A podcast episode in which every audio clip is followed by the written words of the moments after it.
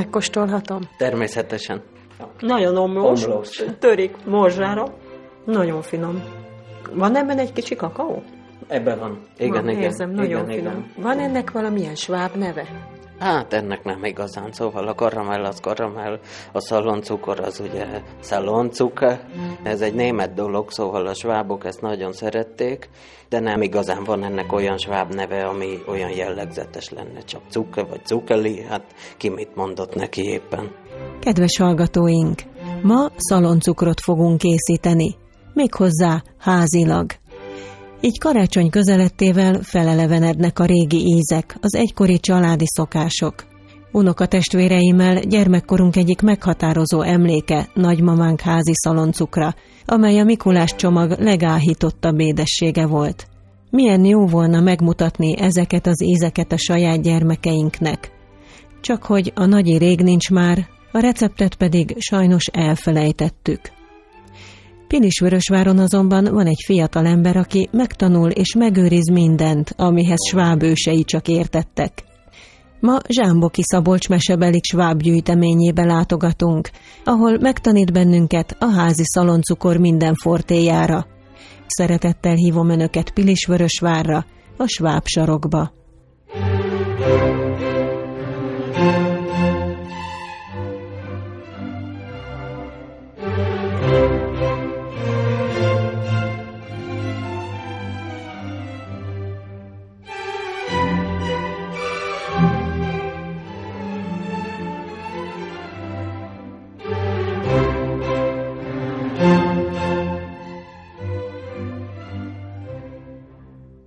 Mintha csak a múltba léptünk volna be, amikor átléptük a Pilisvörösvári Svábsarok nevű kis házikó küszöbét. A múlt idéző kincseket egy lelkes fiatalember gyűjtötte össze, mentette meg és restaurálta. Zsámboki Szabolcsnak hívják. Ő nem csak ennek a kicsiny múzeumnak a gyűjtemény kezelője, hanem az aktív sváb hagyományőrzés kulcsfigurája is.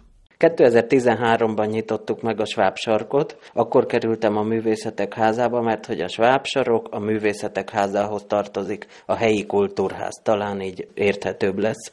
És 2013-ban, amikor ezt megnyitottuk, akkor én megálmodtam egy viseletbemutatót a Vörösvári napokra, ez a helyi templombúcsúhoz kötődő ünnepség, és a díszteremben a Vörösvári Napok megnyitóján egy viselet bemutató volt, amikor sikerült néhány fiatalt összeszedni eredeti viseletek bemutatására. És felmerült az ötlet, hogy esetleg közösen csinálhatnánk valami jót, ők együttműködőek voltak, és azóta a viselettel, a vallási hagyományainkkal, a világi hagyományainkkal, a dialektussal, ugye a sváb nyelvvel, a táncokkal, a zenével igyekszünk foglalkozni, és a fiatalok fiatalokkal készítettük tavaly a szaloncukrot együtt, és ők karácsony előtt, ugye 24-én előadják a sváb Christkindlspielt, ami ugye a helyi betlehemes, itt csak lányok szerepelhetnek, általában négy lány, és ők felvetették, hogy esetleg a gyerekeket, ahol ezt előadják, megajándékoznak házi készítésű szaloncukorral, és akkor készítettük együtt ezeket a szaloncukrokat. Léptünk egy nagyon szép és nagyon érdekes helyre, mint hogyha a múltba léptünk volna be. Itt vagyunk a Sváb sarokban, időszakos kiállításokat szoktam itt rendezni. Most éppen látjuk, hogy egy kisebb parasztszobát próbáltam szemléltetni. Bizony gyönyörű szép festett ó parasztbútor van, pingált még hozzá, bácsi meg néni fényképe a falon. Nagyjából 1907 körül készültek ezek. Ők az épületnek a volt tulajdonosai, az építők, Fetter Mátyás és Cigler Katalin. A Fetter család Vörösváron hentes dinasztia volt, és a sarok épületbe kint a főútnál egy hentesbolt üzemelt. Ennek van itt az udvaron a kisvágóhídja, és ez volt tulajdonképpen a lakóépületük. Népviseletet is látok, fehér idős asszony viselet, és egy fiatal lány, illetve hajfonatokat is látok. Ezek honnan kerültek ide? Tulajdonképpen a legfontosabb a kezdetektől az a viselet. A legtöbb helyen sajnos, hogy kimarad a hajviselet, és ezzel nem igazán foglalkoznak, de nekem az fontos volt, hogy bemutassa autentikusan azt, hogy a lányoktól az asszonyokig, mondjuk az 1900-as évek elejétől az utolsó viseletet hordó asszonyokig milyen hajviseleteket hordtak. Itt egy ilyen kalapmodell fejformán két paróka van, gyönyörű szép körfonattal, mind a kettő egy szőke meg egy fekete. Ez egy sokszoros fonat kalácsban láttam, ilyetán hatos vagy hetes fonat lehet. Tud-e ilyet készíteni? Ha megkérném, hogy most az én hajamból fonjon ilyet, tudna-e? Igen, hosszadalmas volt megtanulni. Az övéké még egyszerűbb, mert hogy ezek csak hármas fonatok. Majdnem a térdükig ért a hajuk. Ebből készült két cof, és a két cof lett föltekerve, és ezért tűnik olyan soknak. Ez készült hatosba, nyolcasba, tizenkettesbe is. Az például egy nyolcas fonat. Vannak korabeli fotók, és a fotók alapján sikerült feldolgozni magát a viseletet. Látok egy csomó-csomó szobrot, keresztet, azok a klasszikus paraszt, Jézus szíve, képek érdekes hupi színekben a falon. Ezek is eredetiek, a házból származnak? Tulajdonképpen minden eredeti, de a házban semmi nem maradt sajnos. Ezek a képek, ugye a Jézus szíve és a Mária szíve mindig a parasztágy fölött volt, az egyik a férfi ágy, a másik a női ágy fölött. Ezek az ágyak a parasztszobákban láptól voltak, és akkor így ez a kettő volt a két ágy fölött, és középen pedig a feszület. És ugye látjuk a szobrok, ahol állnak, ez az úgynevezett sublót, ez a parasztszobának az úgymond házi oltára, ott is van Jézus szíve, Mária szíve. Ezek vagy bérmálási ajándékok, vagy különböző kegyhelyekről hozták magukkal, és hogyha valaki nem tudott eljönni a búcsúba, akkor annak egy bögrét vagy egy szentképet, esetleg egy szobrot vittek haza ajándékba. Bizony, Szent Család, Szent Antal, Pietá. Bizony, ott az üveg alatt az egy zárda munka. Viaszból van az a Mária, sajnos nagyon rossz állapotba került ide, de még nem találtam sajnos olyan embert, aki restaurálná és rendbe hozná.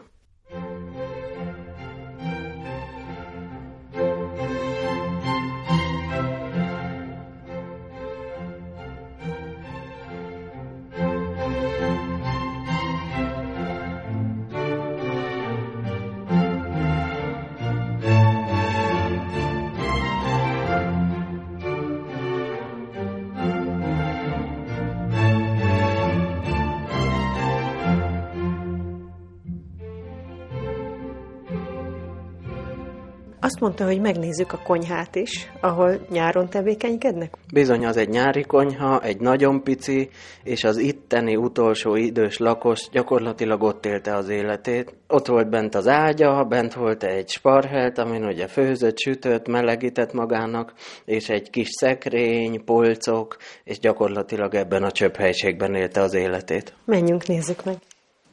Érdekes trapéz alakú szoba, és nagyon szép kerámiák vannak, rózsás tányér. Hát miket látunk itt?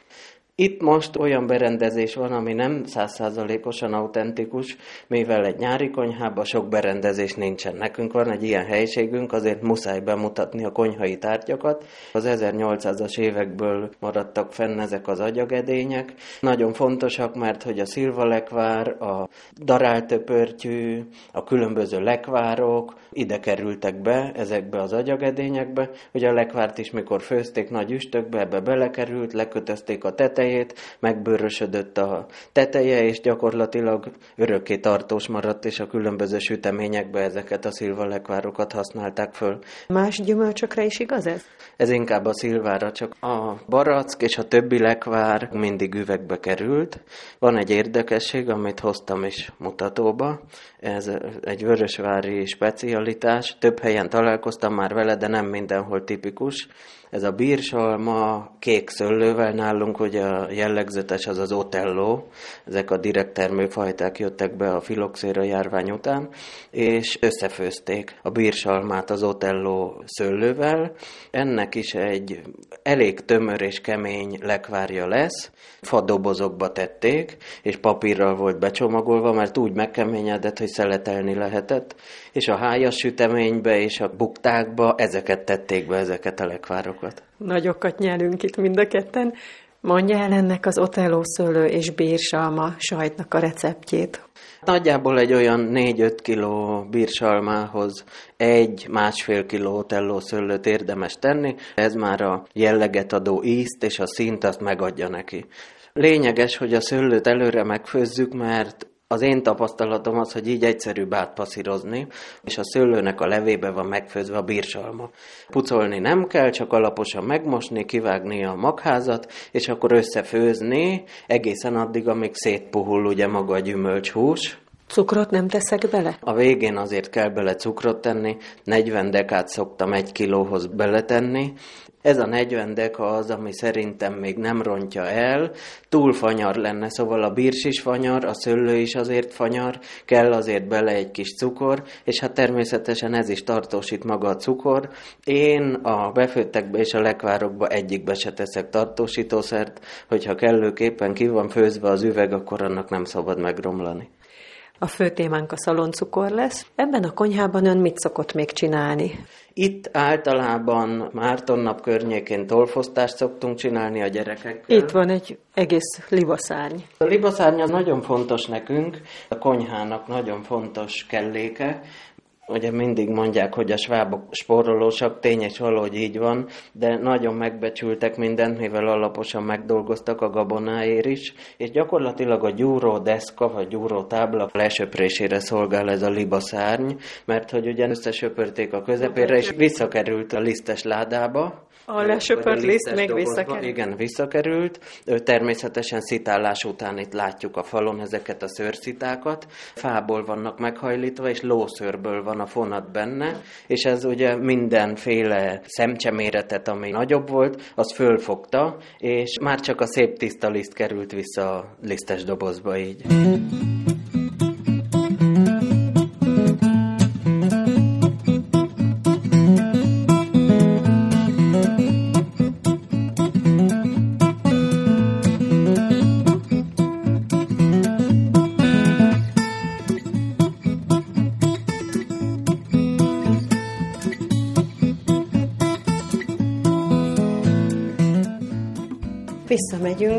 oda, ahol a varázslat történik.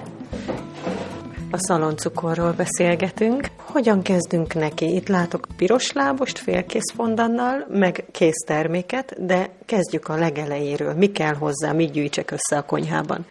Ahol nagyon szegények voltak és nem volt idő, sok esetben a kocka cukrot csomagolták be, viszont a jellemzőbb az az egyik a fondan, amit valamikor konzumnak hívtak, ez tulajdonképpen egy cukorszirup, a másik pedig az úgynevezett tejkaramell. A nagymamám készített, és a gyerekkoromnak az egyik óriási emléke, megélménye volt az általa készített házi szaloncukor. A fondanhoz mi kell? Kristálycukor, hogy teszem felfőni, mibe teszem felfőni? A fondan az csak cukor és víz, és egy kicsike ecet. Hogyha nem teszek bele ecetet, akkor annyira visszakristályosodik a cukor, hogy nem lesz szép maga a massza, azt mondanám tipikus receptnek, hogy két bögre cukor. Piros kis sima zománcozott lábosban, tehát nem Így kell van. hozzá teflonedény, nem, nem kell nem, semmi. Nem. Én mindig zománcosba főzöm, és a karamellnál fontos az, hogy magas faluba főzzük, és nagyba. A fondan az csak kicsit for, nem habzik föl, Nagyjából egy 10 perces forrás után belekerülhet ízesítőanyag. Bocsánat, még mindig ott tartunk, hogy beleöntöttük a két bögre kristálycukrot, és mennyi vizet öntünk egy hozzá? Egy vizet. Az ecet rögtön megy bele, vagy nem, ezt nem, összeolvasztjuk? Nem. Egyenlőre csak a cukor és a víz, és ebből kell egy szirupot főzni. Nagyjából egy 10 perc alatt ez fölolvad és elkezd forni. Milyen sűrűségűnek kell lennie, amikor látom, hogy úgy gondolom gyöngyözik, vagy bugyog, olyan sűrített tejsűrűségű, vagy palacsintatészta, vagy még annál is oh. sűrűbb? Hát ez nem ilyen fehér, ahogy most látjuk, hanem ez áttetsző teljesen. Ez olyan, mintha sűrű víz lenne. Szóval sajnos nem igazán lehet ezt megmondani. Aki ezt a receptet betartja, hogy két bögre cukor, egy bögre víz, ezzel fog sikerülni. 10 perces fővés után ízesíthetjük. Ez lehet akár narancshéj, de jellemzően szörpökkel ízesítették. Gyümölcsszörpök voltak otthon, ezeket otthon készítették. Nagyon jó eredményt lehet elérni például a fekete ribizli szörpel, szép szint is ad neki, és maga az íz is nagyon domináns, ebből két kanál bőven elég. És ezt nagyjából 20 percig kell főzni ezután, aztán látjuk már, hogy kezd úgy besűrűsödni. Szóval összeesik azért, és kipárolog a víz, és ekkor kell belerakni mondjuk egy evőkanálnyi ecetet ebbe a mennyiségbe. Almaecetet, vagy azt a jó kemény 20%-osat? Bőven elég a 10%-os, az egyszerű fehér ecet. Maga az ecet sav, ami fontos bele, hogy ne engedje összeugrani, kikristályosodni a cukrot. Arra emlékszem gyerekkoromból, hogy a nagyikám úgy csinálta, hogy azt mondta, hogy nem szabad, hogy megkössön a lábosban, hanem ő még melegen márványlapra kiöntötte, és utána szelte föl. Bizony, hát ahol van márványlapot, nagyon szuper. Nem mindenkinek volt a márványlapja. Neki is műanyagból volt a márványlap, csak ezt mondta, erre emlékszem. Általában gyúródeszkára vizes ruhát kell kitenni. A vizes ruhába kell beleönteni, abba belecsavarni, és akkor ezzel finom gyúró mozdulatokkal kell kiformázni, és szépen kifényesedik a széle. Ennek kell egy kis idő, amíg visszahúz, és megköt annyira, hogy ezzel dolgozni lehessen. Úgy gyúrom, mint a kenyeret? Nagasztó mozdulatokkal, vagy inkább csak ilyen formára, ilyen hurkát gyúrok inkább, belőle? Inkább csak formára. Oldalt kell egy kicsit paskolni, meg fölülről, alulról. Nagyjából másfél újnyi vastagságra kell készíteni, és ezzel a rongyal bebugyolálni egy kicsit, amíg meghúz. És akkor nekünk már csak ugye szelni kell, és fölkockázni. Lehet damillal, lehet kesztyűvarró cérnával, ami vastagabb egy kicsit, de lehet egy késsel is, hogyha egy picit be van vizezve, amíg még nem köt meg teljesen, addig hagyja magát vágni. A másik volt a vajkaramella? Vagy, vagy tejkaramell, igen. Inkább tejkaramell egy kis vajjal. Ez az, ami bármivel ízesíthető. Ugyanaz a recept, két bögre cukor, csak egy bögre tej. Nem vízzel tesszük oda, hanem tejjel, és a tej miatt ez fölhabzik, ezért fontos, hogy magas edénybe kerüljön. És bizony ezt nem szabad ott hagyni, szóval ezt folyton kevergetni kell, mert a cukrot, hogyha lekapja, akkor megég. Ebből az alapreceptből lesz nekünk a tejkaramell. Nagyon gyorsan kell vele dolgozni, mert nagyon gyorsan meghúz. Szóval még melegébe meg kell formázni, egy icipicit várni, míg félig meghűl, és utána gyorsan fölkockázni, mert utána már nem hagyja magát. Ebbe is kellett ecet? Nem. Ebben nincsen ecet, ebbe csak a cukor és a tej, és amikor összefőtt, hát ez is egy 10-15 perc, akkor lesz jó, amikor kicsit karamellszínnek kezd lenni. Egészen 10 percig úgy tűnik, mintha valamit elrontottunk volna, mert egy fehér lé lesz belőle, és semmi nem történik vele. Aztán ahogy a karamell kezd szint kapni, és karamellizálódik a cukor, akkor már egészen felhabzik magasra, és akkor már látszik, hogy jó lesz. Nagyjából egy olyan 10 perc után kezd látszani, hogy karamellizálódik, akkor érdemes lehúzni a tűzről, vagy meghagyjuk így, vagy kerülhet bele egy evőkanál kakaópor, egy vagy másfél evőkanál daráldió, kerülhet bele kókuszreszelék, szóval ízesíthetjük, ahogy szeretnénk, és nagyon fontos, hogy ahogy egy picit meghűlt, 5 dekányi valódi vajat hozzáteszünk, és ettől egészen meglágyul. Hát ez a titka neki, hogy kell bele ez az öddek a kis vaj, és ettől nagyon finom lesz.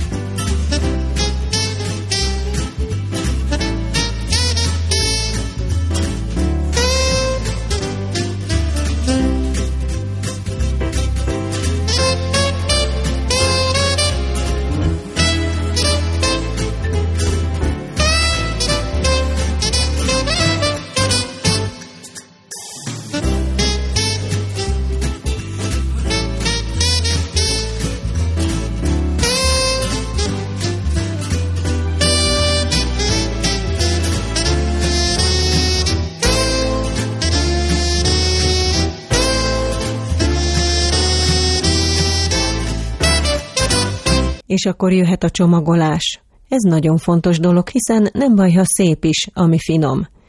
Nagymamám szaloncukrai, finom sejjenpapír és fényes ezüstfólia estéi ruhába öltöztek az ünnep tiszteletére. Zsámboki Szabolcs is így tanulta az ő nagymamájától. A nagymamám a Szamos Marcipánnál dolgozott, ő az a korosztály, akik meg kézzel készítettek mindent, szóval a gépek még nem voltak, kézzel készült a szaloncukor, kézzel készült a papír, kézzel vágták a taniolt, és ez gyerekkoromban mindig egy nagy történet volt, ahogy ő mesélte, hogy jaj, hát megint nem tudom én, ezer darab papírt kellett egyenként fölcsíkozni, és ugye a végeit ennek be kell vágni, ezt majd ki tudjuk próbálni, és talán ezért is volt ilyen fontos, de az idősebb asszonyoktól tanultam ezeket az igazi szaloncukrokat, ugye azok már csokival bevontak voltak, ezeknél nem igazán volt jellemző, hogy ezeket bármivel is bevonták, de mondom, a nagymamámtól tanultam azt, hogy a papírt hogyan is készítjük hozzá. No, most jön akkor a csomagolás.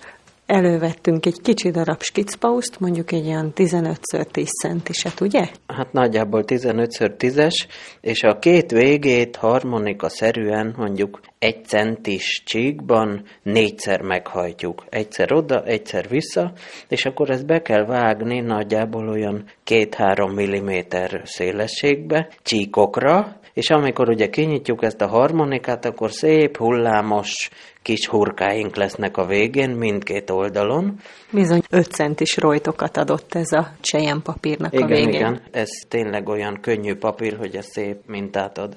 Rátette a szaloncukrot? egy darab szaloncukrot, elkezdjük föltekerni, és akkor én azt szoktam csinálni, hogy mielőtt véget érne, én akkor ráteszem ezt a staniolt, ami egy nagyjából 10x10-es, ugye? Nagyjából 10x10-es, igen. Kell, hogy egy kicsit rálógjon nekünk erre a papírra, és akkor így elkezdem tovább tekerni, ha hagyja magát, hagyja, és amennyire lehet, annyira szorosan csináljuk, és nem uh-huh. A két végét megnyomta. Két végét összenyomtuk. És nem már meg is áll így, mivel a fém, az a alufólia azt tartja. És ilyenkor jött az, hogy az asztal lábához kötöttük a spárgát. Azt miért? Már is fogom mutatni. Ide veszem a szaloncukrot, áttekerem rajta a spárgát, és ez húzza össze a két végét. Ráhurkolt egyet, és jól meghúzza. egyet, és ezt alaposan meg kell húzni, és hát arra is vigyáznunk kell, hogy ne tépje el, de hogyha jó erősen meghúzom, akkor ennek szétjönni gyakorlatilag nem szabad. Kész is van a szaloncok. Gyönyörű. Egységes fonalakra vagy cérnára fölkötötték, és ugye még nem voltak üvegdíszek, ezek egységesen ugyanazokon a 15-20 centis szálakon lógtak egy csíkba a fán, és régen ezen a borokán szintén így lógtak. Azt mondja még el Szabolcs, hogy önnek sváb gyökerei vannak, ugye? Azért van ez a nagy hagyományőrzés és nagy szerelem. Mesél egy kicsit az őseiről. Ez nálam egy nagyon érdekes dolog, mert én csak egy negyed részben vagyok sváb. Ugye ezzel a névvel, hogy zsámboki, ezzel nem is lehetnék sváb, és ha megjelenek sváb körökben, akkor meg is kérdezik, hogy hát én mit akarok ezzel a névvel, hát én nem is vagyok sváb. Ez a nagymamám, akit említettem, ő a sváb a családban. Valószínűleg azért lett ez ilyen fontos, mert én ebben nőttem föl.